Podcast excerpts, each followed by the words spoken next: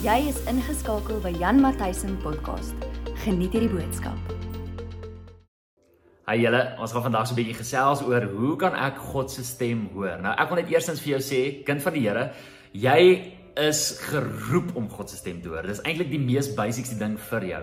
Dis eintlik so natuurlik. Jy moet seker maak dat jy op 'n plek is waar jy nooit in die pad sal staan van God se stem nie. Dit is onmoontlik vir jou om jou hart en jou lewe vir die Here te gee as jy nie sy stem gehoor het nie. Ons respond teenoor hom wat klop. Ons respond teenoor hom wat ons roep, teenoor hom wat ons uitverkies, teenoor hom wat ons eerste liefhet. En as gevolg van daai respons gee ons ons harte en ons lewens vir die Here. So jy het al die stem van die Here gehoor. En nou moet jy net op 'n plek wees waar jy seker maak dat jy weet hoe om al die ander stemme stil te maak sodat jy sy stem kan hoor.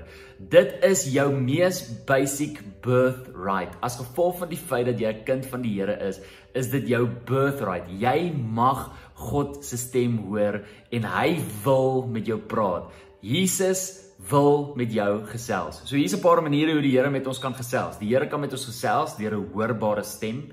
Hy kan met ons gesels in ons gedagtes, deur drome, deur visies, deur die Bybel, deur die natuur, deur musiek, deur engele, deur ander mense en hy kan letterlik met ons gesels deur 'n letterlike manifestasie. Hy kan letterlik voor ons kom staan en met ons gesels. Maar ons gaan vandag stil staan by 3 van hierdie. Ons gaan gesels oor gedagtes, ons gaan gesels oor die Bybel en ons gaan gesels oor drome. So kom ons gesels so klein bietjie oor hoe praat die Here met ons deur ons gedagtes. Dis eintlik so eenvoudig. Dit is so belangrik om te weet dat ons eintlik net op 'n plek moet wees waar ons nie dis nie nodig om God se stem te probeer harder maak nie. Dis eintlik net nodig om al die ander stemme sagter te maak. Die oomblik wanneer ons al die ander stemme sagter maak, dan hoor ons sy stem met ons gesels. As ons met onsself 'n gesprek kan hê binne in ons gedagtes, sekerlik kan die Here met ons 'n gesprek hê binne in ons gedagtes. En die oomblik wanneer ons tot wedergeboorte kom, is die oomblik wanneer ons met ons gedagtegang begin vernuwe, waar ons ons gedagtes in lyn begin kry sodat ons die gedagtegang van Jesus kan hê. So dit beteken dat ons eintlik meer en meer soos hy begin dink ook. Gaan kyk bietjie na Romeine 12 vers 2. Maar daar's 'n klomp stemme binne in jou gedagtes. Jy kan jou eie stem hoor in jou gedagtes. Jy kan God se stem hoor in jou gedagtes. Jy kan die duiwel se stem hoor in jou gedagtes en jy kan letterlik vriende se stemme of ander mense se stemme hoor in jou gedagtes. En die belangrike ding is om al daai ander drie stemme stil te maak sodat jy Jesus se stem kan hoor. Nou, kom ons doen dit gou prakties. As jy op 'n plek sal wees waar jy stil word en jy vra vir die Here om vir jou met jou te gesels binne in jou gedagtes dan kan daar 'n gedagte in jou mind oppop. Soos byvoorbeeld, vra vir die Here, Here, help my met 'n skrifvers. Waar moet ek vandag Bybel lees? En terwyl jy daar sit, sal jy dalk in jou hart voel of in jou gedagtes voel, jy moet na 1 Petrus toe gaan en jy moet in 1 Petrus gaan lees. Blaai soontoe. Maak dit oop, gaan lees daar en kyk of dit van toepassing is op jou. Doen dit meer en meer, beoefen dit en hoe meer jy agterkom hoe God se stem klink, hoe baie makliker gaan jy dit recognize hoe oomblik wanneer hy met jou gesels. Kyk, kom ons gesels so klein bietjie oor hoe praat die Here met ons deur die woord, deur die Bybel. Eerstens wat ons moet verstaan is, die woord van God is deur die Heilige Gees ingegee. So dit is so belangrik om te weet dat dit is geïnspireerd deur hom. Die oomblik wanneer ek die woord van die Here lees, dan is dit kragtig. Dis skerper as 'n tweesnydende swaard en ek moet toelaat dat daai krag en daai tweesnydende swaard binne in my lewe indring sodat dit met my kan gesels.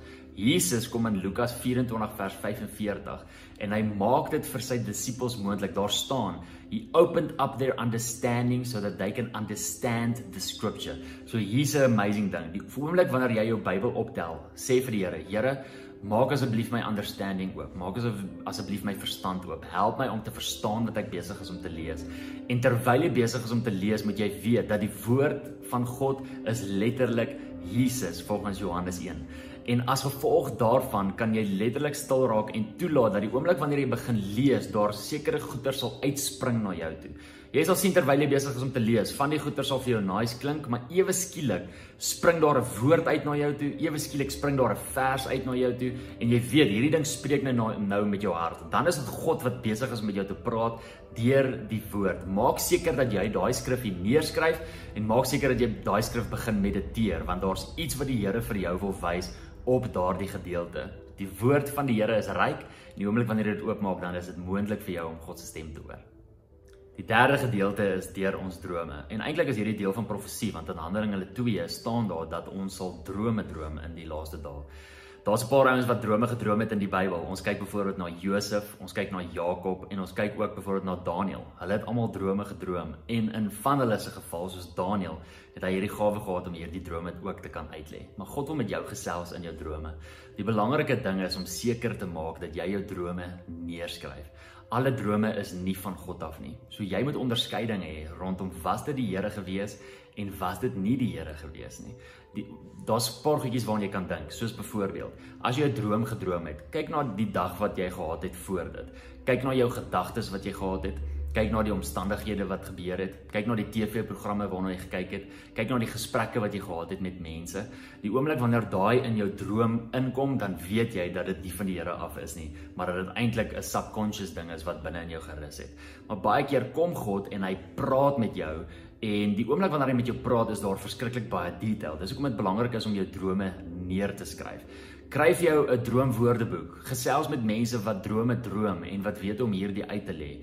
En vertrou ook die Here. As die Here vir jou 'n droom gee, is dit sy hart om vir jou ook te kom verduidelik wat hierdie droom beteken. So moenie angstig raak nie, raak stil. En die oomblik wanneer jy hierdie droom het en dit neergeskryf het, gaan na die Here toe en praat met hom en sê vir hom: "Here, wat wil U vir my wys?" Wat is in hierdie droom wat U vir my wil leer? Maar die Here wil met ons gesels oor drome. Ten slotte moet jy weet dat Jesus is eintlik 'n ekstrovert. Hy is die woord van God. Dis in sy karakter om met jou te gesels. Dit is nie sy idee en sy hart om stil te wees en te maak dat jy hom glad nie kan hoor nie. He's a rewarder of those who diligently seek him. So hou aan om hom te soek, hou aan om by hom te gaan sit en spandeer tyd by hom. Wees geduldig ook met jouself en beoefen dit. Hoe meer jy dit beoefen, hoe meer gaan jy agterkom wanneer is dit God wat besig is met jou te gesels en wanneer is dit net iets anders. Maar moenie opgee nie. Tot 'n volgende keer. Dankie dat jy saam met ons geluister het. Onthou om te subscribe op hierdie podcast. Volg ook vir Jan op Facebook en YouTube. Tot 'n volgende keer. Die Here seën jou.